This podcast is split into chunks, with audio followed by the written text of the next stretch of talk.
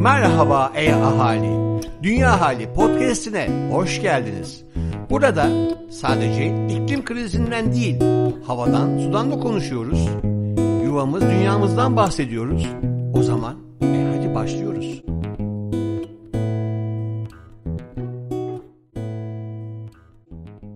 Merhaba. Havaların iyice soğuduğu ve kapalı ortamlarda daha fazla zaman geçirdiğimiz bu günlerde her sohbet şöyle başlıyor. Herkes hasta. Covid-19 pandemisi için alınmış olan maske, mesafe ve hijyen tedbirleri nedeniyle bir süredir ortalıkta dolaşamayan her türlü solunum yolu virüsü tedbirlerin neredeyse tamamen ortadan kalkmasıyla tekrar sahneye çıktı. Amerika Birleşik Devletleri'nde 2009 domuz gribi pandemisinden bu yana en ağır grip mevsiminin yaşandığı açıklandı.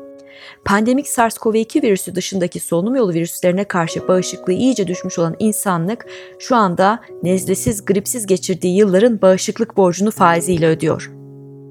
Doktor Anthony Fauci ismini pandemi döneminde sıklıkla duyduk.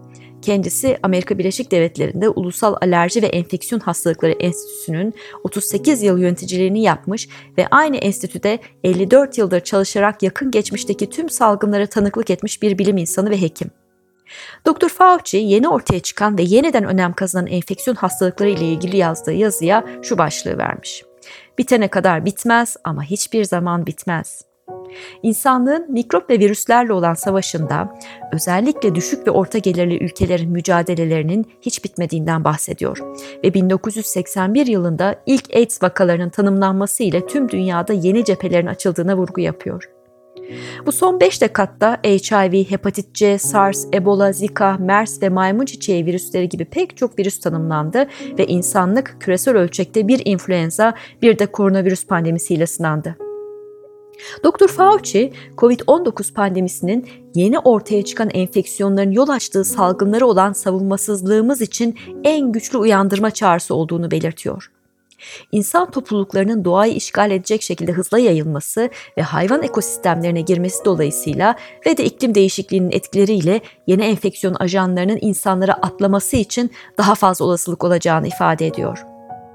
İklim krizi ve yeni enfeksiyonlarla ilişkili büyük bir potansiyel tehlike daha kapımızda bekliyor. Sıcaklığı hızla artan Sibirya başta olmak üzere özellikle kuzey yarımkürede donmuş olan toprak katmanın çözülmesiyle ortaya çıkabilecek yeni enfeksiyonlar permafrost olarak adlandırılan toprak tabakası büyük miktarda metan ve karbondioksit içeriğinin yanında donmuş mikroplara ve virüslere de yataklık yapar. Başka bir deyişle permafrost tabakasının küresel ısınma ile çözülmesi hem yüksek miktarda sera gazını atmosfere salarken hem de belki binlerce yıldır donuk halde bekleyen mikrop ve virüslerin de canlanma riskini ortaya çıkarır.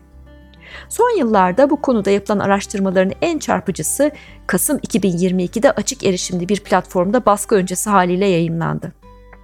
Alempik ve arkadaşları Sibirya'nın 7 ayrı bölgesinden elde edilen permafrost örneklerinde 13 yeni virüsün tanımlandığını rapor etti. Yoğun güvenlikli laboratuvarlarda bir amip türünde aktifleştirilen virüslerin neredeyse 50 bin yıldır permafrostta saklanıyor olmalarına rağmen enfeksiyon yapma potansiyellerini koruduğu gösterildi. Bu virüslerin bitki, hayvan ve insanlarda hastalık yapması durumunda dünyanın nelere tanık olacağını tahmin etmek bile gerçekten korkutucu. Şurası çok açık ki ne kadar ileri bir bilim ve teknolojiye sahip olursak olalım, bağışıklık sistemimizin daha önce hiç karşılaşmadığı bir patojen ile karşılaştığımızda savunmasızız. 8 milyar savunmasız insanın bir virüs ile ilk defa karşılaşmasına neler olabileceğini de COVID-19 pandemisini ilan edildiği 11 Mart 2020 tarihinden beri canlı yayında izliyoruz. Küresel ısınmanın katastrofik bir sonucu olarak uyuyan mikrop ve virüslerin tekrar yeryüzüne çıkma ve hastalık etkeni olma potansiyeli olduğunu ortaya koyan bilimsel çalışmaların sonuçları iklim krizine karşı mücadele etmek için insanlığa çok hayati bir neden daha sunuyor. Görüşmek dileğiyle.